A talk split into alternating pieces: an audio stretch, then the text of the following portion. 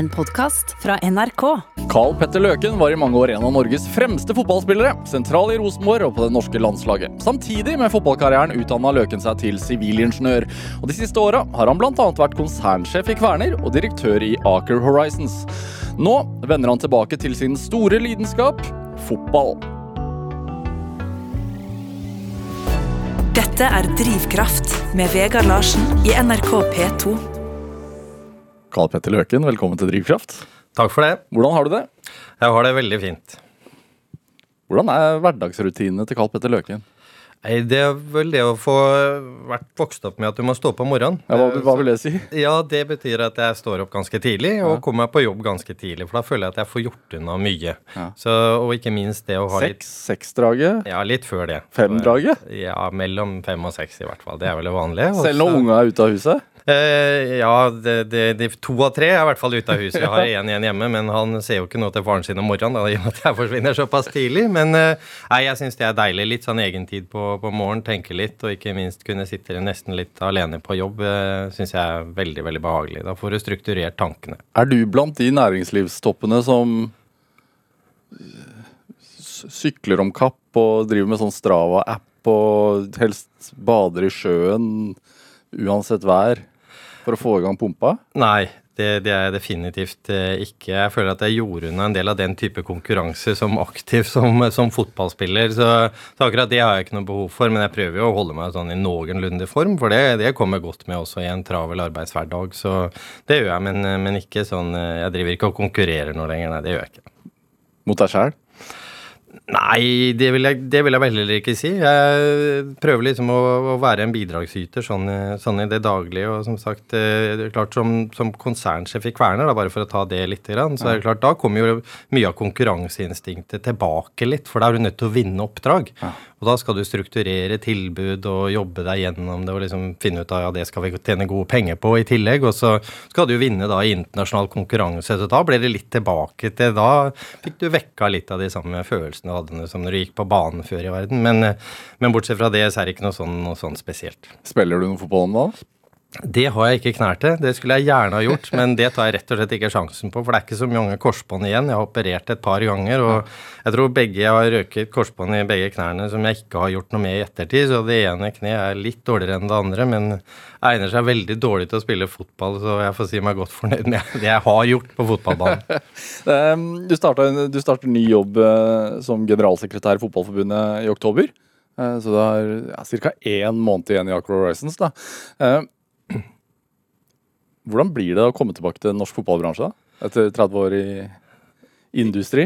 Ja, det, det vet jeg jo selvfølgelig ikke. Nå har jeg jo vært allikevel veldig privilegert som har fått, uh, fått jobbe i NRK. Jeg gjorde jo det Vært fotballkommentator i nesten 20 år? Eller? Ja, så vidt. Eh, Eller rundt 20 år. Eh, Og det måtte jeg jo da gi meg med i, i, i 2018, eh, i våren 2018. Jeg ble konsernsjef i Kværner. Da ble det ikke tid til det. Jeg hadde det faktisk i kontrakten da jeg jobba i Lundin, at jeg skulle ha tid til å Ja, oljeselskapet Lundin. Og, Oljeselskapet Lundin. Jeg var der eh, til, til å jobbe som fotballkommentator. Det satte jeg veldig veldig pris på. Så, for da fikk du følge fotballen på, på nært hold også etter at, etter at jeg la opp som, eh, som aktiv. Så, men hvordan det blir å vende tilbake til bare å drive fotball, det vet jeg ikke. Jeg har aldri bare drevet fotball. Jeg har alltid hatt noe ved siden av fotball. Ja. da enten i form av utdannelse eller jobb, da, sånn i, i næringslivet, og, og har følt at det har passa veldig godt for meg. Så men nå skal jeg liksom da tilbake til, til røttene og lidenskapen, og, og det gleder jeg meg veldig til. Ja, Det er jo tidlig å si, kanskje, siden du ikke du har tatt på deg de skoa ennå. Men, men hva tenker du at du skal liksom ta tak i? Nei, det, eh, jeg føler at det er en veldig spennende tid også. Eh, fotballen er liksom det, det, er, det er jo Jeg føler at bare for å ta damefotball, da, for å ta det litt først Jeg føler liksom at mye av det du, det du ser nå av sportslig utvikling, er jo nesten litt sånn revolusjon. Selv om damefotballen har lenge vært i veldig fremgang. Nå, er det, nå er nivået skyhøyt, og skal vi henge med internasjonalt nå, så må vi virkelig sæle på. Så der har vi en jobb å gjøre. Og, og så er det jo veldig spennende også på Nå tar jeg toppen først, da. På, på herresida, hvor vi har en av verdens beste spisser. Spiller kanskje i verdens beste klubb, eh, Manchester City. Jeg liker jo ikke å si at det er verdens beste klubb, for jeg holder jo med Liverpool. Og Liverpool er jo vel så gode, men, men Liverpool har starta litt dårlig nå, da. Men det er jo kjempespennende med Haaland i City og, og med en av verdens klart beste trenere med Guardiola som coach, ikke sant. Og Martin Ødegaard som kaptein i Arsenal. Lede Premier League. ikke sant? Det er, jo, det er jo kjempebra. Og i tillegg så gror det godt da også, er ikke minst den jobben som gjøres hver eneste dag blant tusenvis av frivillige i Norge. Det er jo den som er grunnlaget for, for den norske suksessen på toppen. Så topp og bredde i Norge når det gjelder fotball, det er så nært sammensmelta som det går an å få ting. Så, så det gleder jeg meg til å jobbe med, både topp og med bredde. Altså Klavenes er jo president. Hva, er, hva gjør egentlig en generalsekretær? Jeg blir jo da daglig leder for, for, for norsk fotball ja. uh, i, i, det daglige virket. Og så har du selvfølgelig da presidenten, som er, som er, styreformann også. Det er jo det som er presidenten, er jo formann i styret, valgt på tinget. Mm. Og, og, som da selvfølgelig er en heltidsjobb. Så, men min jobb blir jo da på mange måter å ivareta litt det daglige virket i, i norsk fotball. Se, kommer du til å se på norsk fotball som en bedrift? Ja, det jeg tror nok det blir i hvert fall litt min tilnærming der jeg kommer fra nå. ja. Og så blir det nok selvfølgelig veldig annerledes kanskje fra det jeg har, har, tenkt meg. En bedrift er jo veldig gjerne godt strukturert og alt sånn, og det er jo fotballen også. Men fotballen er lidenskap, frivillighet. Det er så veldig, veldig mye mer. Ja. Så, så, der får jeg sikkert en del overraskelser men det, får jeg bare ta etter hvert. Siden det er sånn et, eh, hva skal man si, en revolusjon nå, hva, hva er grunnen til det? Altså, hvordan har det skjedd? Jeg tror det har en, en, en, sammenheng med at veldig mange av de, de store, kall det gjerne de store fotballnasjonene på herresiden har nå begynt å satse voldsomt også på, på, på damefotball. Ta Så det under EM, da, ja, ja, ikke sant, ikke sant. Du ser ta England kanskje som det, som det, beste og største eksempelet, hvor fort det har gått. Ja. Så de har virkelig bestemt seg, og nå tråkker de på å bli europamestere i et mesterskap som ble en kjempesuksess på hjemmebane.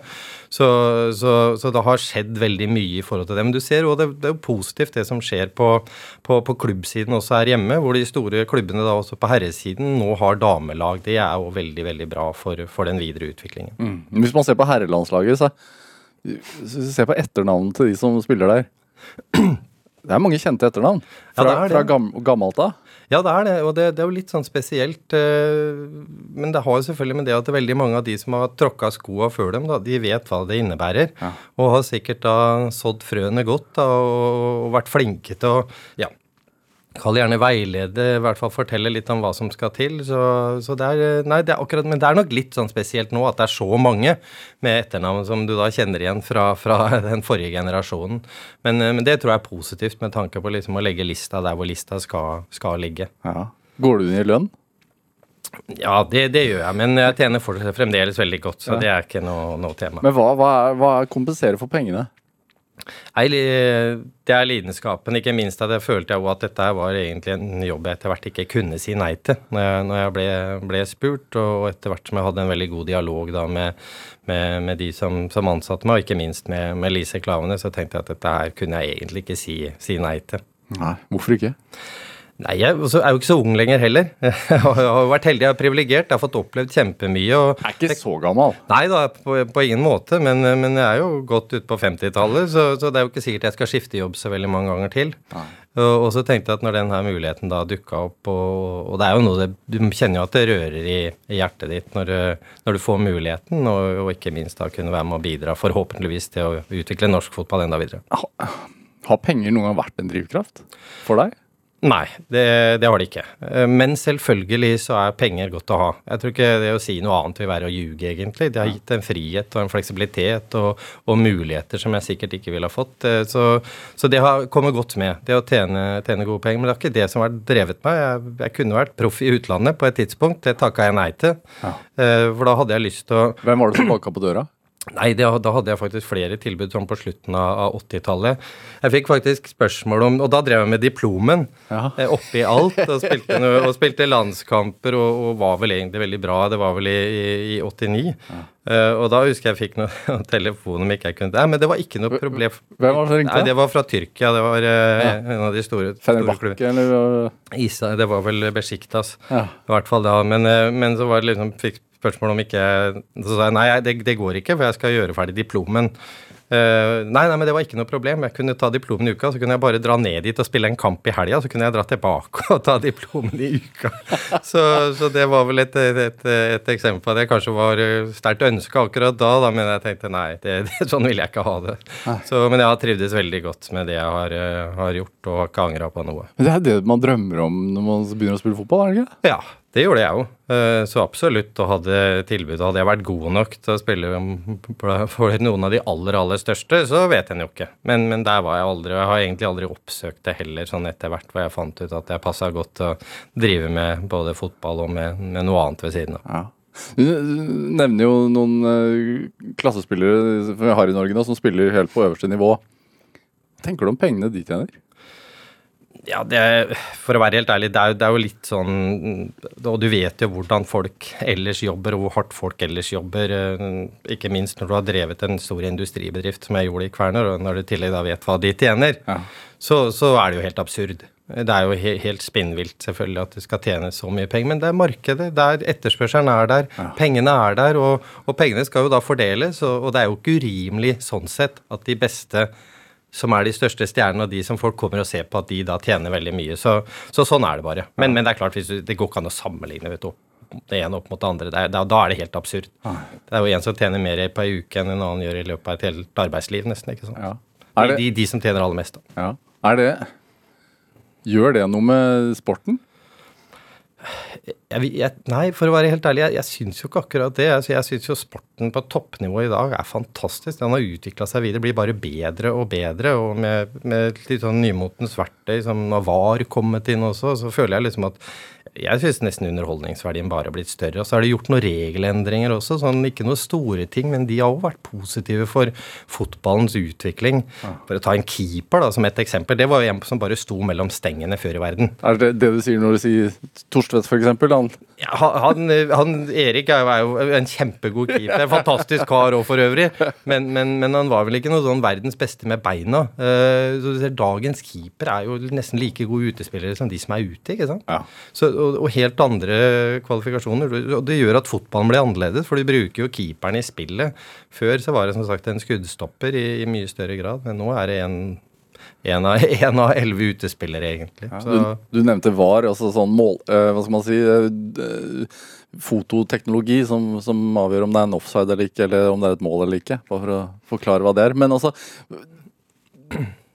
har det, det, det, du tegner opp der, har det noe å si for tilfang tilfanget av unge spillere? Også, det har vært noen debatter om sånn at det koster mye å bli spiller tidlig nå, og at man må satse mye tidligere. og jeg, tror vel egentlig ikke det som du må drive seg er uansett det som kommer innafra. Eh, skal du bli god og skal du ha glede av fotball, så må du komme fra kommer fra, fra, hjertet. Og når sant skal sies, så er jo ikke det å drive fotball og fremdeles spille og samles og spille fotball er jo billig. Du trenger et par sko, og du trenger en ball. Hvis du skal gjøre det veldig enkelt, og det er fotballens fortrinn. Det er derfor fotballen er så stor i verdenssammenheng. Du trenger ikke all verden av utstyr.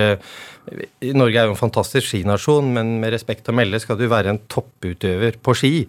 I, i, verdenssammenheng, og det er jo, da er det jo gjerne norsk, for det er jo nesten de beste, så koster det massevis av penger. Det gjør ikke fotball, og det er fotballens fortrinn. Hva var, hva var det hjertet ditt da som gjorde at du sto og triksa ute i bakgården hele dagen? Ja, det, det, var først og fremst at uh, jeg, vokste opp i en industriby, og, og som også, hvor idrett og hadde veldig stor betydning i, i, i Sarpsborg. Og så var pappa fotballtrener. Pappa og spilte fotball på toppnivå. Spilte faktisk det som en gang da het Messeby-cupen.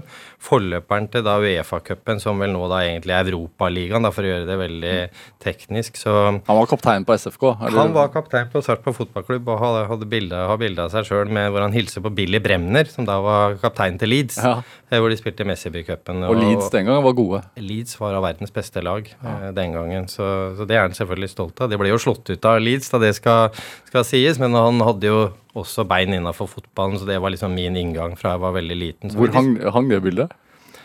Det hang eh, i hvert fall på, på Løken i Askim, hvor jeg bodde i, i, noen år, på gården der, ja. så hang det i trappeoppgangen. så, eh, så, det er et bilde som selvfølgelig da har, har ja, var viktig for pappa og viktig sånn i forhold til fotballinteresse, og at jeg etter hvert ble ekstremt interessert i fotball, også i, i spillet fotball. Så vi diskuterte masse. Jeg var med på, på alle stort sett bortekampene som Sarpsborg fotballklubb spilte. Selv om jeg var veldig liten, så fikk jeg være med i bussen. Da. Det var jo bussturer da den, den gangen i, i, eh, i, området rundt. Altså fantastisk, eh, fantastisk spill. Dette er Drivkraft med Vegard Larsen i NRK P2. Og i dag er direktør i Aker Horizons, nå påtroppende, påtroppende generalsekretær i Fotballforbundet, Carl Petter Løken, her hos meg i Drivkraft på NRK P2. Det, du er fremdeles i Aker Horizons. Eh, det er det du driver med akkurat nå, Du skal holde på med en, en eh, måned til. Eh, jobber under Christian Røkke. Hva, hva er det du gjør der? Nei, det har vært veldig veldig heldig. og har hatt kjempeprivilegier og, og jobba i et fantastisk system i Aker-systemet nå i, i, en del år. Og hatt en flott uh, flott karriere før det og, og, har vært veldig privilegert. Jobba i, i, det som het Statoil i sin tid, Equinor. Jobba i Lundin, hvor jeg var med å, å bygge en oljeplattform fra scratch, bl.a. Uh, en Aker-system er helt fantastisk. Utrolig godt drevet. Uh, Kjell Inge Røkke helt på toppen, som er en energibunt. Utrolig kreativ.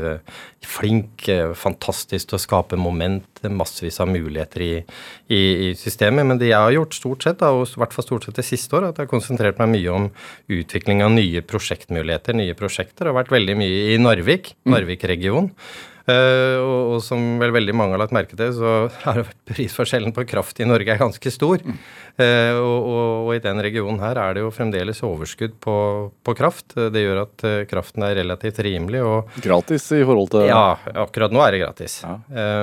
men det, mye av det du snakker om i det grønne skiftet, er kraftintensivt. Det krever masse kraft. det vi ser på der oppe, er liksom har tar sitt utgangspunkt i, i, i produksjon av hydrogen. Mm. Grønt hydrogen. Vi spalter rett og slett vann gjennom elektrolyse, og til det så kreves store, store mengder kraft. Og så er det bruken av den grønne hydrogen, da konvertering til eventuelt ammoniakk som drivstoff, eller til, til, det vi kaller grønt jern, et mellomprodukt i, i leddet til å produsere stål. Ja. Og det leddet vi ønsker å konsentrere oss om, det er det, det leddet i prosessen hvor du kan ta ut størst, eller redusere karbondioksidutslippet mest. Stålindustrien i verden i dag står for 7-8 av verdens CO2-utslipp. Det er mye. Ja. Og, og, og, den biten av det som vi konsentrerer oss om, er litt sånn, sånn i størrelsen 75% av utslippene kommer derfra. Og hvis du da erstatter det CO2-utslippet med f.eks. vann, da, som det blir, for vi tar ut oksygen av jernoksid Du er, du er kjemiker òg, Løken? Det er jeg. Ja. Så nå kommer kjemien.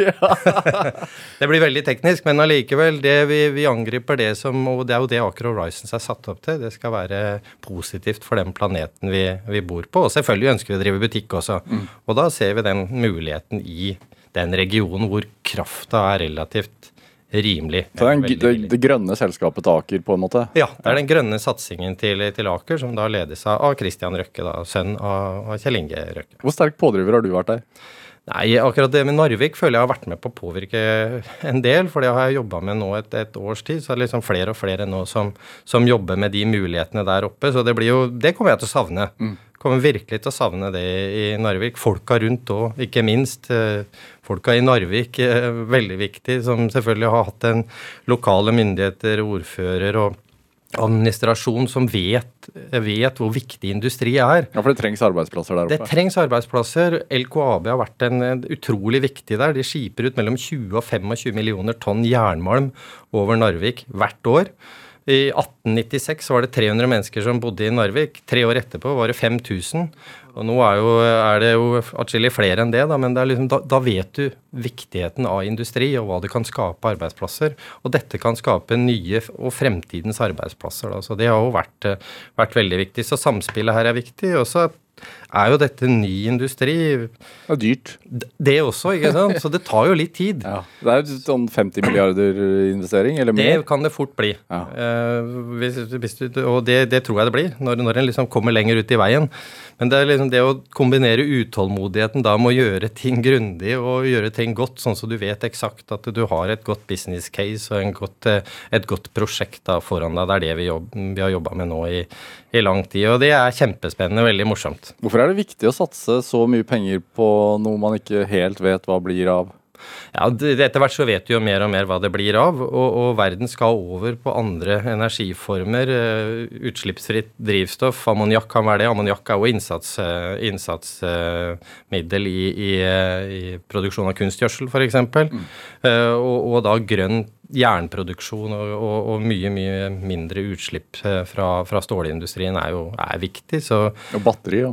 Og batteri, for all del. elektrifiser. Vi skal jo over på Alt skal jo bli elektrisk etter hvert, og, og da er jo selvfølgelig produksjon av batterier og mer effektive batterier også, også veldig viktig. Så, så, jeg føler at mye, mye av det jeg, jeg, gjør nå, er veldig viktig med tanke på det som skal skal skje i framtiden. Jeg har vært, kjempe, vært, kjempeheldig og jobba mange mange år i olje og gass, både på, i, i, på leverandørsiden og, og, som, og, som, operatør, eh, gjennom jobb i, i, Statoil og i, Lundin. Men, eh, og det har selvfølgelig vært utrolig viktig for Norge, det, og det er jeg veldig stolt av. Men det er klart, når jeg først etter hvert fikk muligheten til å, til å tenke litt grønt, og at det er jo dit vi skal, så syns jeg jo det er spennende. Ja. Alltid vært nysgjerrig på nye ting, nysgjerrig på det å lære. Det å lytte, sette seg ned og tenke og liksom tenke på hvor, hvor skal vi hen, hva er viktig, så føler jeg virkelig nå at jeg har vært med på noe som er, er veldig viktig. Og, og, så håper jeg jo da at og tror jeg har valgt noe som blir enda viktigere i og med at jeg skal begynne å jobbe med bare fotball. har, har, vært, har, vi vært for treige hva gjelder ja. omstilling og nysatsing? Ja. Det har vi. Kontantsvar, ja. Ja, det, det syns jeg faktisk. Jeg, det er, jo ikke, det er jo lett å sitte på utsiden, men jeg tenker jo det at den kunne ha vært mye mer fremoverlent fra myndighetshold i forhold til å tenke I Norge har vi jo penger til det også. Mm. Så her burde vi ha satsa tidligere. Både på teknologiutvikling, hva ønsker vi, hvordan skal fremtiden se ut. Det er viktig, for da, da I tillegg så skaper du aktivitet, du skaper arbeidsplasser. Du, skaper, du får enda flere ut i jobb. Det er jo viktig i Norge. Mm. Det, det, er noe vi ikke snakker så altfor mye om. Vi snakker om at arbeidsledigheten er lav, men det er altfor mange på utsiden av arbeidslivet. Så veldig mye av det nye her kan skape enda høyere aktivitet. Og, og, det trenger vi. I Norge har vi som sagt en mulighet til å ligge i, i, forkant gjennom at vi har vært så flinke med de oljepengene vi tross alt har i, i Norge. Så, og så burde vi ha starta tidligere. Vi snakker jo om det nå, for vi, nå er vi jo i litt sånn krise i Europa ikke sant, i ja. forhold til energi. Hva tenker, du, altså, hva, hva tenker, du, om det? Altså, er det litt sånn ja, ja, det så jeg komme? Nei, det er vel, det tror jeg ikke veldig mange skal si. At en så at det skulle komme. Nå har det liksom vært flere kriser som har truffet samtidig, eh, samtidig som har gjort at det har blitt veldig, veldig spesielt. Men, men at vi kunne ha starta det løpet med å, å bygge mer fornybar kraft tidligere, ja. Og, og, så tror jeg vi òg må innse det at ja, det kommer noen vindmøller på plasser hvor vi kanskje ikke syns de skal være, men det blir viktig. Mm. Vi er nødt til å være med å bidra. Vi har en forpliktelse også i forhold til andre land i Europa som sliter enda mer enn Norge. Vi er jo heldige. Vi har jo bygd ut vannkraft i Norge i, i mange år ikke sant, for å finne dette skal være, komme samfunnet til gode. Og, men vi er nødt til å dele med oss. Da må vi bygge ut mer kraft. Eh, vi har, vi har, mulighet til å bygge vindkraft på land, vindkraft til havs, oppgradere vannkraftverk. Vi kan bruke mye mer penger. Mm enn det vi gjør, og ikke minst på teknologisiden innenfor vannkraft. Jeg vet ikke hvor mye penger som brukes i Norge. Det er ikke mye. Vi har gjort veldig mye tidligere, men her burde vi helt, helt klart ha ligget i, i, front. Selvfølgelig burde vi det. Jeg var styreleder nemlig i et selskap som drev med, som var leverandør i vannkraft i ikke mer enn et års tid, som heter Rainpower. Som nå er eid av Aker Solutions. Men det er klart det har jo vært altfor få oppdrag. En, og, og altfor for lite utvikling. Men her, her har vi en mulighet til å være med å påvirke. Vi må drive teknologiutvikling videre. Hvorfor har det vært sånn? Nei, det, vi har hatt det for godt. Det er det korte svaret jeg vil, tror jeg kan si. Vi, vi har, vi, I Norge har det egentlig finanskrisen som traff verden, traff ikke Norge. Ja, og strøm har vært gratis? Ja. Det har vært noe vi liksom Vi har vært litt bortskjemt, for å, være, for å si det rett ut. Og det tror jeg vi er litt fremdeles. Ja. Og vi er liksom nødt til å se litt lenger frem. Og, og begynne til å tegne litt sånn vyer over hvordan fremtiden skal være ut, og hvordan ikke minst Norge kan være med å påvirke det. Var du bortskjemt da du vokste opp i Serp? Det var jeg sikkert. Er du, er, du, er du, vokst opp i Norge, så er du egentlig bortskjemt. Da har du egentlig trukket et gullodd eh, allerede fra, fra dag én. Men, men, jeg føler vel det at vi, vi ble vant til å, og vi ble satt til å gjøre ting. Jeg har alltid vært glad i, i, i, hverdagen, alltid vært glad i det å gjøre ting og få noe gjort. Det er ikke den som liksom har brukt hele uka til å se fram til helga. Jeg har trivdes i, i hverdagen og, og, vært glad i å ha noe å holde på med. Og masse forskjellig. Men du har vokst opp i industri? Du har vokst opp uh, de første åra dine i hvert fall på, altså, så å si på Borregaard fabrikk i, i Sarpsborg? Ja, da vi var heldige. Vi vokste opp i en, en funksjonærbolig, eller bodde i en funksjonærbolig i nærområdet til Borregaard. Pappa jobba på, på Borregaard, og, og, da ser du jo hvor viktig industri er. ikke sant. Eh, Sarpsborg er jo, er jo Borregaard er jo nesten ett på en måte, var hjørnestensbedriften. Og så er det annen industri der også. Men du fikk i hvert fall se viktigheten av industri og hva det betyr for identitet og, og stolthet osv. Så, videre. så så jeg har alltid vært glad i, i industri. Og så har jeg resten av familien som òg Var liksom vokst opp og, og, og jo fra, i Askim. Ja. Hvor gummivar, Askim gummivarefabrikk var en institusjon i mange år, og minst like viktig der. Så, så det, det betydningen av industri, det, det, den er stor veldig mange plasser i Norge. Hvor ung var du første gang du var på en fabrikk? da? Nei, det, vet jeg ikke. Det husker jeg nok ikke. Men jeg har i hvert fall vært glad i å få være med på, på fabrikken og, og se litt på, på, hva som skjer på, på Borregaard. Hva? Det med det stå opp om morgenen og Hvem var det som terpa på det hjemme hos dere? Nei, det, det, det har liksom alle blitt sånn. De to søstrene mine er sånn også. Blitt påvirka selvfølgelig av hvordan mamma og pappa var. Men jeg hadde en farfar. Jeg tror han slo alle. Han tror jeg sto opp sånn i fire-tre. Det var ingen som stempla inn før han. Han jobba jo da på Askim gummivarefabrikk. Det ble i hvert fall fortalt, men han var jo da trøtt til Dagsrevyen klokka halv åtte på kvelden. Så, men han tror jeg var på jobb klokka mellom fire og fem. Ah. Så, så det kan vel hende at det var litt der. Men jeg tror liksom da familien på både morssiden og farssiden for min del har vel vært glad i å, å komme opp om morgenen og få noe gjort. ja. Strengt? Ja, det, ja, når du kommer fra fest, og det hendte jo at vi gjorde det, og så er det jo strengt hvis du da må stå opp rett etter du har kommet deg i, i, i seng. Men, men det var nå en gang sånn, og, og det er ingen av oss som har tatt noe skade av det. Og jeg tror vi har, hatt, eh, vi har levd et godt liv alle sammen. Ja, vi, vi, du ga oss tillatelse til å snakke litt med søstera di, Kjersti Løken Stavrum, som, som jo eh, jobber i pressen, og hun sa jo at naboene var kanskje, ikke så, var kanskje litt lei disse løkenunga som kom og spurte om de skulle ut og leke liksom i sjudraget. Jeg kan, jeg kan nok hende at vi var litt, litt tidligere ute enn en mange andre, men som sagt, du, du tar ikke noe skade av det. Og nå, vi er jo forskjellig skrudd sammen, og det, det skal jo sies, men, men vi ble nå i hvert fall A-mennesker eh, hele gjengen. Ja, men Mora di, hva gjorde hun da? Mamma jobba både i, på yrkesskolen i, i, i Sarpsborg, og senere drev hun en butikk. Så både mamma og pappa var, var yrkesaktive. Så vi hadde dagmamma hjemme hos oss, og hun var helt fantastisk. Tante Rakel eh, kalte vi jo henne. Rakel Bjurstrøm var navnet hennes, men hun, hun bidro jo da veldig i oppdragelsen av oss, og utrolig flink med mat, og, og var flink til å sette oss til å gjøre ting. Så jeg husker jeg ble jeg var ofte sånn at jeg måtte sykle og kjøpe, kjøpe dagligvarer i, i det som da var den nærmeste butikken. Og da hadde du jo disse her plastposene på styret, og det, før så var det gjerne to liter med melk. Det var nesten det minste du fikk. Og jeg husker det var så Jeg hadde de der, de der hankene på de plastposene ble lengre og lengre. Så det var liksom om å gjøre å nå hjem før det, før det datt i bakken. Og det hendte jo at det gjorde det, og at det gikk noe melk i, melk i asfalten. Men, eh, men som regel gikk det bra, da. Ja. Men som ung, ung gutt, så man ser jo opp til faren sin. og det, det, altså Faren din var både kaptein på A-laget til Sarpsborg og direktør på Borregaard.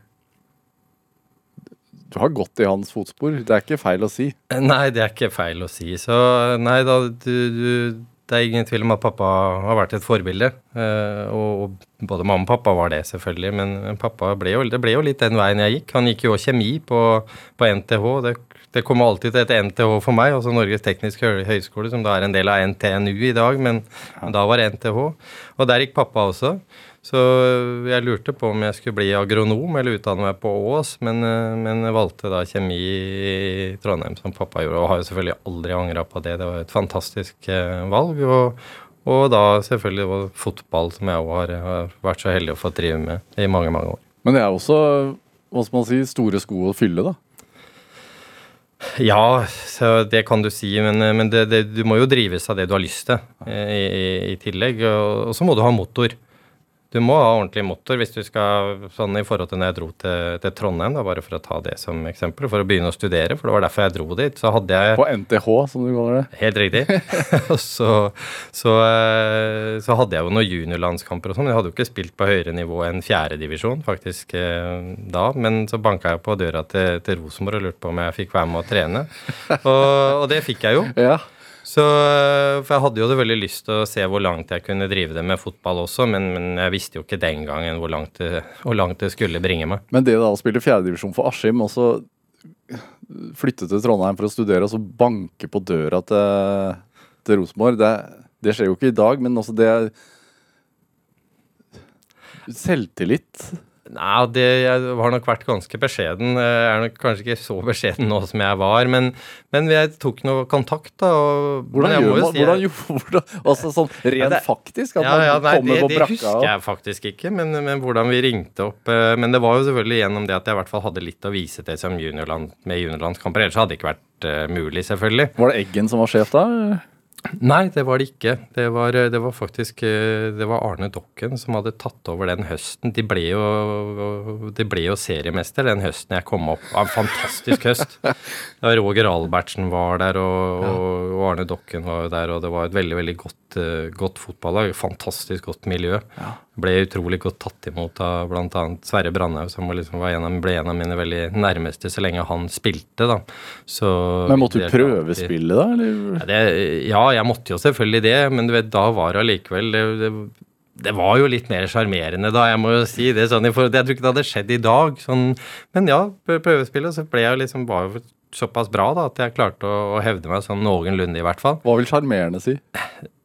Ja, mer det at det, det var liksom du, du, Jeg husker jeg kom inn på kontoret der oppe, og det var jo nedrøkt av de, de, som satt der. Og, og du satt der og prata litt, og så fikk jeg være med og trene, og så Ja, altså etter hvert har det gått. De balla det vel egentlig bare på seg. Men, eh, men det var, eh, det var en fantastisk tid. Jeg var jo heldig. Jeg fikk jo oppleve veldig mye. Jeg var, var jo der elleve sesonger og ja, ble vant i snitt ett mesterskap per år. Vi vant jo ikke hvert eneste år, men vi vant jo vi var dobbeltmestere noen ganger. Så, så, jeg fikk jo med meg veldig veldig mye før jeg da liksom flytta på meg igjen da, og flytta, flytta sørover. Ja, Petter Løken, vi skal spille litt musikk, og du, du klarte ikke helt å bestemme deg, så du, du kom med to valg. og Det, det ene var altså You Never altså hymnen til Liverpool. Eh, og det andre var Gabriel Sobo som ble spilt i bryllupet ditt.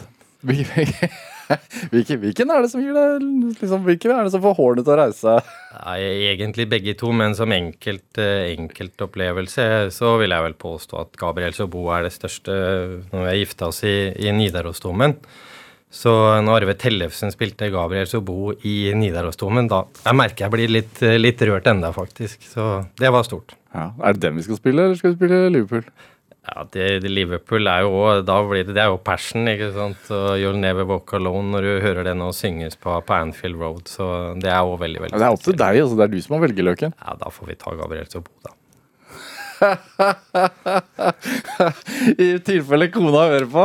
Ja, nei, det, ja, ja, ja, nei, jeg har vært uh, veldig, veldig heldig med, med, Nina. Så vi har hatt, en, hatt, det kjempefint sammen. Men uh, det er klart hun har måttet finne seg i mye. Og en mann som har vært mye borte. Men vi har alltid hatt det veldig fint sammen. Ja, da, passer det med Obo og Arve Tellefsen, også Ennio Morricones fantastiske låt.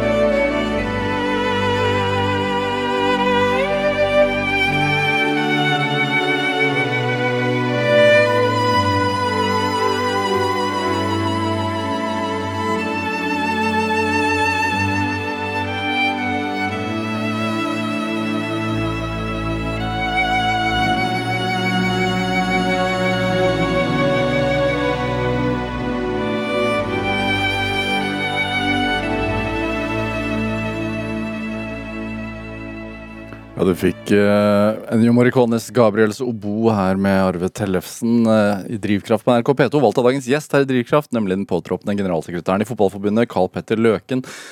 Sa at altså, dere spilte jo den her da dere giftet dere. Da Arve Tellefsen var i Nidarosdomen og spilte. Ja, Uh, så spilte jeg. og du blir rørt når du hører den, sa du. Ja, Blir du det nå? ja, det gjør jeg. Er du lettrørt? Ja, det, det er jeg. Eh, Det er ikke noe tvil om. Jeg blir, eh, blir eh, lett rørt, og det syns jeg er bra. Det viser, viser at liksom er, er noe som bor inni deg, som, som det, det vekker noe til liv igjen, og du klarer liksom å, å spole litt tilbake. Jeg ser fremdeles settingen i, i Nidarosdomen da, det her, da Arve Tellefsen spilte, så, så det var en, det var en flott opplevelse. Men målrettethet, hvor viktig er det? Nei, det er viktig. Eh, og så tror jeg det er viktig liksom å ha både litt det der langsiktige målet foran seg, men, men jeg tror liksom det viktigste er likevel de der litt sånn mindre stega du tar på veien. Eh, men det å jobbe målretta mot noe, det er eh, det er, noe, det, er noe, det er noe jeg liker ved det. På, og det kan være på lavt nivå. Ja, ja, ja, så absolutt. Det er liksom bare det å sette seg litt i de, de, de, de måla og se liksom at det, yes, det er mulig å nå. Og, og, og det starta Du nevnte triksing litt sånn tidligere i, i, i programmet, og det husker jeg når jeg drev og triksa og skulle sette ny rekord hver eneste dag. Det var liksom målet. Det var jo ikke alltid at en klarte det, selvfølgelig, for noen ganger så, så treffer jo alt, liksom. og Da trikser du veldig mange. Men, men det husker jeg ennå, det å sette seg litt i der små, små måla underveis. Hva var du oppi? Ja, nei, etter hvert triksa jo flere tusen. Så, så det er, men da er det liksom sånn du kan holde på i noen timer, men, eh, men det kunne en jo ikke til å begynne med. Men det er jo et eksempel liksom, på det å bare sette seg litt sånn litt mindre mål til å begynne med, men da selvfølgelig ha noen drømmer langt frem i tid som eh, Var det noe, var det noe kronespill som fikk Uniel òg? Kronespill fikk òg unngjelde, det er helt riktig. Ja, hva er det for noe? Nei, nei, nei, vi var jo det hendte jo at vi spilte på sånne gamle kronespill. Det er det du sikter til. Så ja da, nei da, det var det var Det hendte at vi spilte. Hvor ofte sto du på den kronespillautomaten i Var det i Sarpsborg eller Askim? nei, det var i Sarpsborg. Nei, det var vel ikke så veldig ofte, men, eh, men det var noe med det å, å kunne vinne. Da. Så etter hvert så begynte det faktisk å bli litt treffsikker òg. Ja. Så en klarte å liksom å beregne sånn noenlunde styrken, men eh, nei da, så mye var det vel ikke. Ydmykhet. Du er ganske ydmyk. Ja, det håper jeg. Jeg er i hvert fall veldig glad i å, å lytte og glad i å, å lære. Eh, Jeg har liksom sett på livet som en mulighet til å lære veldig mye. Og, og da må du liksom være ydmyk og liksom ikke tro at du er verdensmester i, i, i alt. Eh, Så, så det, har, det har i hvert fall tatt meg et stykke. Ja. og, og ikke minst det å kunne absorbere litt i inntrykk. Og så er det jo det er jo et privilegium òg, å være nysgjerrig og, på å lære hele livet. Og så er det selvfølgelig da et bedrøvelig faktum at uh, jo mer du lærer og jo mer du klarer å absorbere, jo mer skjønner du at du ikke kan. Så det er jo litt, det er jo det trasige oppi det. Uh, Men, men sånn er det nå en gang. Men, men jeg har sett liksom på en livet som en, eh, som en mulighet for å, for å lære så mye som mulig, og, og det har jeg Ja, der føler jeg at jeg har vært eh, heldig og, og forhåpentligvis og flink, da, som har fått, eh, fått med meg såpass mye. Så for deg så var det helt naturlig å være toppspiller i Eliteserien og kombinere det med å studere på fulltid? Ja, det, det var faktisk det. For jeg hadde bestemt meg for det på forhånd, at jeg skulle bli ferdig på normert tid på, på NTH. Ja. Hvor mange Eh. andre på den første, førsteelveren på Rosenborg var det som holdt på sånn? Nei, det var nok ikke så mange, men det var, var flere før da enn enn det det er nå. Og så skal det jo sies at det kanskje ville ha vært enda mer krevende i dag enn, enn det var da. Men vi trente jo én til to ganger om dagen da også, så jeg kan jo huske vi hadde noen forsøk i perioder. Jeg gikk jo kjemi. Ja. Eh, og da når det var forsøk på laben, de gikk gjerne over flere timer. Så da husker jeg vi hadde noen sånne vitenskapelige assistenter til å liksom hjelpe oss litt da, på, på noe av det. Så da måtte jeg overlate ansvaret til noen av de Vitasene og dra på trening. Og komme tilbake igjen etterpå og overta da mens de hadde passa på litt da, i, i mellomtida. Så jeg husker det var noen sånne taxfree-kvoter som gikk den veien når vi hadde vært ute og reist litt. sånn at kjøpe noe som en påskjønnelse til de som hadde hjulpet til litt. da. Ja, men du bodde på Lerkendal? Ja, jeg var heldig. Jeg, etter hvert så kjøpte leilighet i, i Valgrindveien, som var liksom da du ser ned på det som var treningsbanen til Rosenborg, i hvert fall den gangen. Nå har hun vel stokka litt om der oppe, oppe men, men da så kona mi kunne da stå og se ned på, på treningsbanen. Men er det, det du, du må jo være ganske systematisk? Ja, det tror jeg nok. Jeg, jeg liker å strukturere ting og liksom ha, ha litt sånn orden på, på det. Og, og, det var jeg egentlig nødt til også, så jeg måtte strukturere hverdagen sånn at jeg skulle få tid til det jeg måtte få tid til. Ja. Så, så gjør jo det da selvfølgelig at du må prioritere, og i mitt hode så er det å prioritere er å prioritere bort. Og det måtte jeg gjøre med en del ting. Så, sånn er det bare. Du, du, kan, du, får liksom ikke tid til absolutt alle festene eller alt det du gjerne kunne tenke deg å være med på. Det, det gikk ikke. Så gikk ikke jeg. Var ikke jeg jeg var med på mange, jeg òg, så det er ikke det. Men, men det er klart, du, du, kan ikke, du får ikke tid til absolutt alt. Men hadde du system? Også sånne skjemaer og Nei, ikke så mye skjemaer, men det er klart jeg hadde struktur på mye. og Jeg kan jo, jeg tror vel søsknene mine var litt, eh, litt oppgitt over det. Men det, jeg hadde et servise, det var liksom seks av hver. Det var det jeg hadde. Så, så det rullerte jeg på. Hvert som jeg leiligheten din? Ja, i, leie, i hybelen og leiligheten. Jeg etter hvert, men, eh, så jeg rullerte på, på asjettene, sånn som de som da var nyvaska, gikk underst. Hvorfor det? Ja, For at det skulle være jevn slitasje.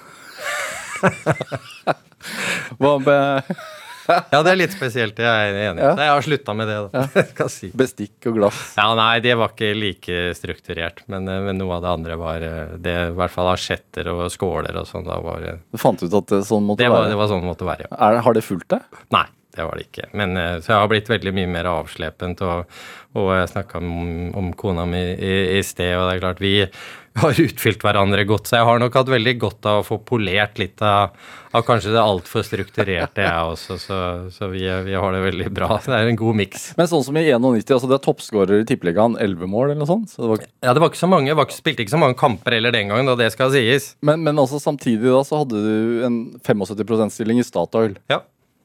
Er det Ja, sier du med selvfølge. er det Og så har du noen tips? Altså, har du noen sånne life hacks for å få gjort mye? Altså, jeg vet jo Støre for eksempel har jo sagt at han kan sove hvor som helst. Altså, ja, jeg, Vi har jo snakka litt om det allerede. Det, for å få, få ting unna og få gjort mye, så må du tidlig opp. Det har i hvert fall vært min erfaring. Så det har kommet veldig veldig, veldig godt med. Og så er det det å sette seg litt i her måla. Da, liksom, så du ikke du har, for hvis alt det flyter litt, så blir kanskje ikke det ene så viktig likevel.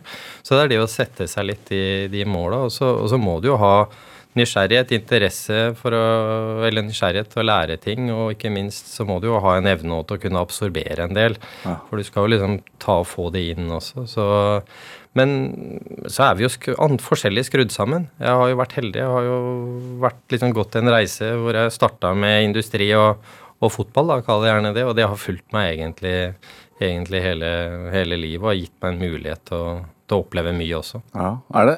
Du har spilt under eh, to av de største trenerprofilene i norsk fotball. Eggen og Drillo. Ja. Hva, hva har du lært av de?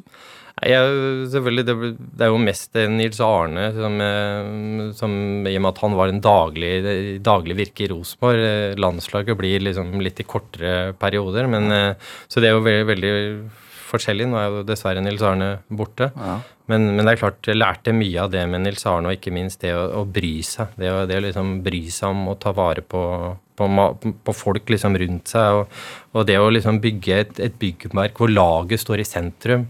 Eh, det å bygge lag og ikke så mye individ, der lærte jeg veldig veldig mye av, Nils. Altså der Han hadde, hadde, en egen, helt egen evne der til, til folk. Du kan bare tenke deg når, når, vi kom så langt at vi begynte å spille Champions League, da, som jeg òg har vært så heldig å få være med på noen sesonger, så, så, var jo det Det er jo store produksjoner. Så når de kom til Lerkendal, det var jo det beste de visste, de som produserte. For normalt så hadde jo to stakittgjerder og 50 meter unna var liksom der de fikk lov til å være. Ja. Mens når de kom til Lerkendal og på brakka, så ble de invitert inn og fikk, ble påspandert røyk av treneren. ikke sant? Så, så Det illustrerer jo nettopp det å bry seg om folk. Det er jo det det dreier seg om. Det å ta dem inn og, og høre på dem, og ikke minst eh, ja, være, være, klar over det at det er et maskineri hvor tannhjula er av ulik størrelse, men alle er like viktige likevel for at liksom alt skal, skal fungere. Så Nils eh, var helt fantastisk på det, vet du. Det var jo ikke alt vi var like glad for. Det ga seg jo litt sånn ulike utslag. Som for eksempel? Ja, det var jo liksom for hvis du, I Levanger, da, hvis de bare hadde satt inn Vi fikk jo følelsen av at hadde de bare satt inn ny lyspære i klubbhuset, så måtte vi opp dit for å spille kamp, ikke sant. så, så, det var jo litt sånn så, Men, men, men allikevel, det, det, gjør jo at det blir jo hele regionen etter hvert, forhåpentligvis, så ble jo Rosenborg da litt sånn hele Norges lag, i hvert fall i en periode. Ja. Så, men da har du vært med å så de frøa. ikke sant? Du har vært med å bygge det byggverket der. Og, og da ser du betydningen av, av, det å bygge lag og bygge noe rundt seg, og at det er eh, mye som er større enn en sjøl. Men når det gjelder det å, som en enkeltperson i det byggverket som da Rosenborg var i, en periode, og nå har de en vei å gå igjen for å klare å, bygge opp det. Og jeg tror vel aldri de kommer tilbake der hvor, der hvor de var, og det ble jo enda bedre etter, etter, at jeg dro derfra også. Så som enkeltperson var Nils Arne helt unik. Han var nysgjerrig, han òg? Ja, han var nysgjerrig på alt. Ja. Fantastisk. vet du, Han var interessert i, i, alt. Jeg husker vi var og spilte vi spilte, Det var før Champions League, da, men da spilte vi europacupkamp i Odessa, som dessverre er aktuelt av helt andre årsaker i dag. Mm. Men vi spilte da der, og da hadde Nils Arne Eggen og Arne Dokken, da, som var sportslig og daglig leder i Rosenborg den gangen, hadde vært på befaring der litt før. Så også I tillegg hadde jo Nils lest seg opp da, før vi skulle til Odessa. Men da hadde vi en guida tur gjennom byen. Øh, øh, og, og, da var Nils så misfornøyd med guidinga at han tok over guidinga sjøl. og da hadde han bare vært der en dag og lest seg opp på forhånd. Ikke sant? Ja. Det sier jo alt om, om Nils Arne, at han må være i stand til å fange opp veldig mye, og, og i interesse, ikke minst. Ja. Har du lært noe av det? Ja. Det, ja, så du er litt på samme måte? Ja, ikke, jeg tror nok ikke det. Jeg er nok ikke lik Nils sånn, men, men, det er klart det med nysgjerrighet og det å, med viktigheten av lag og det å prøve å spille de rundt deg gode, ja. det håper jeg at jeg kan være med å bidra til. Og det håper jeg òg selvfølgelig i den nye jobben jeg skal inn i etter hvert. Hvor overførbart er det til å være toppleder? Det er ganske overførbart. Akkurat det er det. Nå, tror jeg det, nå skal man ikke overdrive det å sammenligne toppidrett og, og, og, det med i næringslivet, men akkurat det med å bygge gode lag, mm.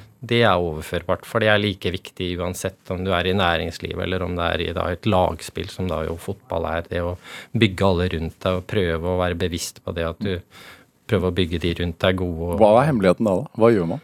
Nei, jeg tror det, det, å sette av tid er viktig. Eh, sette av tid, lytte ikke minst høre på hva andre er og så sier. Og, og så er det ikke dermed sagt at du skal la andre få rett, for en eller annen må ta noen beslutninger på et eller annet tidspunkt. Så det kan ikke bli helt anarki, men, men jeg tror liksom det å ta seg tid, ja. øh, være synlig, øh, bry seg, øh, tror jeg er veldig viktig. Det er, det er, mye der som liksom ja, det er, det, Du kan si massevis av ledelse, og alt passer ikke overalt, men jeg tror akkurat det også folk får følelsen av å bli bli sett og hørt, det tror jeg er det aller viktigste. Du er, altså, når man ser på CV-en din, så ser du jo også Så er du en ener på mange måter. Eh, har det vært noen motgang? Ja, det, det, har det jo. Det, det, som jeg kanskje husker på mest, er nok allikevel da vi var og spilte VM i USA. For jeg er så heldig at jeg har vært med på det også. 94? Ja, 94 i USA. Plastposeoppvarming? Det, ja, ja, det var ja, det der forsøk, det stuntet, jeg tror jeg ikke var, var til det gode for, for, de sportslige prestasjonene, men det ble nå i hvert fall VMs jevneste gruppe noen gang. Ja, Dødens gruppe. Dødens gruppe, som Norge da ikke gikk videre fra. Men det var ikke det, det jeg hadde tenkt å si. Men da ble jeg skada der borte mellom den første kampen og den andre kampen. Jeg visste jo at den første kampen spilte jeg jo ikke Kom jo ikke inn da, men jeg Italia, var det det? Ja, den andre, ja. ja. Den hadde jeg Nei, jeg tapte jo for eh, Mexico? Nei, jeg tapte jo for, eh, for Italia. Ja. Men i hvert fall den kamp, kamp nummer to. Da hadde jeg et visst håp om kanskje å kunne få starte. Det ville jeg aldri få svar på, men, men, det var litt bittert. Når jeg da fikk strekk der borte, så var jeg uaktuell for å, for å være med etter, etter det. da. Ja, men sånn det å ikke få spille land altså, Men hvorfor er det bittert? Altså, Det henger fremdeles litt i. Ja, det er, jo ikke så, ja, det er jo ikke så mange som får muligheten til å spille VM i fotball. Uh, og, det, og, det, var jo min mulighet der borte, og var i bra slag også. Men da hadde vi jo et veldig veldig godt lag, så det var jo veldig stor kamp om, om plassen. Så, så jeg hadde jo ikke noe førstevalg i, i den første kampen uh, på noen av plassene, men, uh, men, jeg ville kanskje ha hatt muligheten på, på kamp to, for da ble det gjort noen, noen justeringer. Da. Ja. Så, men, men, bortsett fra det, så må jeg vel si at jeg har vært, kommet rimelig godt ut av det. Har vært, eh, vært heldig. Det er jo overgangen fra toppfotball til å gå inn i, i næringslivet. Var det Var det helt naturlig? Altså, var det lett? Ja, jeg hadde liksom bestemt meg for det, og jeg, jeg drev jo toppfotball. Og, og jeg, det var en kort periode jeg takka nei til landslaget. Da blei det litt for mye. Eh, da hadde jeg som du nevnte litt tidligere, 75% stilling, som jo i, i, praksis var 100 Det er bare det at du, det er på papiret, så skal du jobbe litt mindre. ja. Eh, og så drev jeg i tillegg da toppfotball, og, og i Rosenborg gikk det jo rimelig bra. Mm. Så, så, da ble det med landslaget faktisk Det ble litt for mye en, en periode. Så, så, så sånn, sånn, var det egentlig med det. Men, uh, men jeg, har liksom, jeg har alltid trivdes med det. Så lenge du trives med det du gjør, så tror jeg det er det, er det viktigste. Når, man, når du har det, den erfaringen, da, så får du i oppdrag f.eks. å bygge en oljeplattform fra scratch. Da du var med på å bygge Edvard Grieg-feltet f.eks. Mm. Eh, teknisk leder der. Hvor starter man da? ja, det, det, Du starter med å bygge et team. Ja. Eh, det er vel det jeg kan si. Du er nødt til å flinke folk, uh, ha flinke folk med deg på reisen. Og så må du liksom gi folk ansvar og gi folk myndighet å ta avgjørelser. Og, så må du selvfølgelig ha veldig veldig god sånn kustus på hvor du står hen til enhver tid. Men vi klarte jo faktisk da i, i, i, et, i et, fellesskap å, å, bygge en plattform på, på tid og til kost. Og det var ikke så veldig mange andre prosjekter som gjorde det på den tiden. Hvor svært er et sånt prosjekt? Ja, det er totalt, Selve plattformen da, som vel i og for seg jeg var, var, med på, det var eh, totalt 12 milliarder med understell og, og det som var oppå, sånn omtrentlig. Ja. Så, så, det er klart det, det, er et veldig stort prosjekt. Eh, og at vi da liksom i fellesskap klarte, og med både leverandører og på operatørsiden hvor jeg da satt, at vi klarte å lage et fellesskap av det og ha det som et felles mål, det føler jeg at jeg var i hvert fall en av de viktige brikkene i å få det til. Mm. Og det er jeg stolt av. Er det? Hva tenker du om sånn utfasingen av olje og gass som man prater om det? Det, det kommer jo en dag. Øh, og det er klart Vi ser jo konturene av det nå, når de store bilprodusentene etter hvert sier at de skal, alt skal over på elektrisk i, i 2035, er det vel kanskje en del som sier. Og ja. da blir det bare elektriske biler fra da som blir produsert. Så det vil bli en utfasing over tid. Men du ser jo nå viktigheten av, av gass til Europa, f.eks. Mm. Når, når en del av de russiske gassressursene liksom kuttes. Så, så er, vi er i en situasjon i Europa hvor det, vi er ikke der riktig enda, Så det vil ta tid, og olje og gass kommer fremdeles til å, til å bli viktig. Men, men, at vi over tid kommer til å gå over på, andre, på annet drivstoff og andre kraftkilder, det, det gjør vi. Mm. Er det Du, øh, fotballgener. Tror du på det? Ja, det, vi, vi snakka jo litt om dagens landslag og etternavna på de, så ja, vi må jo nesten ha tro på Ja, sønnen din spiller i andre tid? Ja, da, han har, vi har tre gutter, og alle har eh, hatt glede av fotball og har glede av fotball på hver sin måte. Men han er i, i Hødd, han ble toppskårer, eller han en, i hvert fall i, skåra veldig mye mål for Hødd i fjor, hvor de nesten rykka opp da på nivå to i norsk fotball. Han har vært i, i Raufoss også, men var litt uheldig i første seriekampen i år. da, Så han ødela kneet sitt. Så. så, nå er han, er han, operert, og han liksom driver og prøver å komme seg tilbake igjen. Hvordan er du på sidelinja? Nei, Der tror jeg nok jeg er som veldig mange flest, at du blir veldig, veldig engasjert. Så det er eh, det er, eh, det er, ikke like lett å være, være objektiv da, når du, når du liksom, føler at du er delvis med. Nei. Så, um, men, det er, men, det er, jo bra å tenke. Det er klart det må ikke bli for mye. Men uten engasjement og fotball, så er jo ikke fotball noe vits i. Det er jo engasjement og, og lidenskap ja. i, i, mitt hode. Det er jo det som driver fotballen, uavhengig om det er topp eller, eller bredde. Så skal det selvfølgelig ikke ta helt overhånd, men, men, det er klart det skal jo røre ved følelsene dine. Eller det kan ikke bli sånn at det blir like sånn du skal bare stå og analysere liksom at det er det. Nei, det må være noe viktig. Er det noe sånn, altså Du nevnte barndomshjemmet ditt, at det var bilde av faren din og, og Leeds kaptein. Han var kaptein, ja. Billy Brenner, ja. ja. Er det noe sånn hjemme hos deg? Er det noe bilde av Karl Petter Løken som håndhilser på? Nei, nei, det er det ikke. Men jeg har jo diplomene oppe, eh, med mesterskapsdiplomene. Fra, og så har jeg tatt vare på noen drakter. Ja. Så jeg har jo bl.a. Eh, drakta til Paolo Maldini, en av de aller største legendene i italiensk fotball, eh, i hvert fall. Så ja, da, noen sånne minner, minner har du, men de viktigste minnene er jo de du, de du allikevel tar med deg, da. Ja. Hvordan var det å bli kommentator, da? Gå, gå, til den andre siden? Ja, det, nei, det var, jeg føler at det var litt tilfeldig når jeg først eh, ble det. Men etter hvert så hadde jeg jo så sagt kjempemye glede av det. Og jobba jo veldig ofte sammen med, med Olav Tråen og Arne Skeie. Og vi farta jo Tyskland rundt under VM i 2006 bl.a. Så, så jeg var veldig veldig privilegert som fikk med meg den biten av det også. For det gjorde at du fikk liksom beholde, kall det gjerne en viss kontakt med spesielt toppfotball, da, både på, på herre- og damesiden. Så, så det satte jeg veldig, veldig stor pris på. Hva er drømmen din da, på vegne av landslaget? Nei, Det må være å, at vi jevnlig klarer å kvalifisere oss for de store mesterskapene både på herre- og damesiden. Det, det må vi håpe vi klarer å, å få til. Og så er det å bygge videre på det på det, den grunnmuren som, som, frivilligheten og bredden i norsk fotball utgjør. Det er der det virkelig skjer. Det er der du skaper disse som du en dag ser på de store arenaene, som vi nå kan snakke om. Erling Braut Haaland i City, Ada Hegerberg, ikke sant. Og så, så det er, men det er der det starter. Og det å ivareta på mange måter den biten av det, det, er, det henger veldig tett sammen med det du ser helt på toppen. Mm. Hva tenker du er drivkraften din, Karl Petter Løken? Det å være med å skape noe. Eh, det å være med å få være med på noe, og noe som er litt større enn en, en sjøl, det, det, er drivkraften. Ja. Og det er, det er rart det der med den fotballidenskapen. Den er litt sånn barnslig. Men hvorfor er den så sterk? Ja, For min del så har det med det å gjøre at jeg har holdt på med det helt siden jeg var, var veldig veldig liten. Og eksponert for engelsk fotball òg tror jeg var viktig for min del. Ja. Eh, så Kevin Keegan var mitt store forbilde. Liverpool var mitt lag. Eh, og det er skapt av av tippekampen og, og lørdagskampene som var den gangen. Jeg hadde jo bæreposer med sånne fotballkort.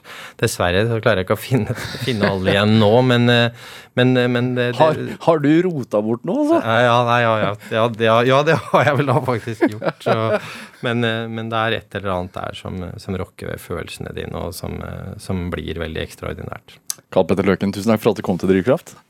Hør flere samtaler i Drivkraft på nrk.no eller i appen NRK Radio. Produsent og researcher i dag var Kjartan Aarsand. Jeg heter Vegard Larsen. Vi høres. Du har hørt en podkast fra NRK.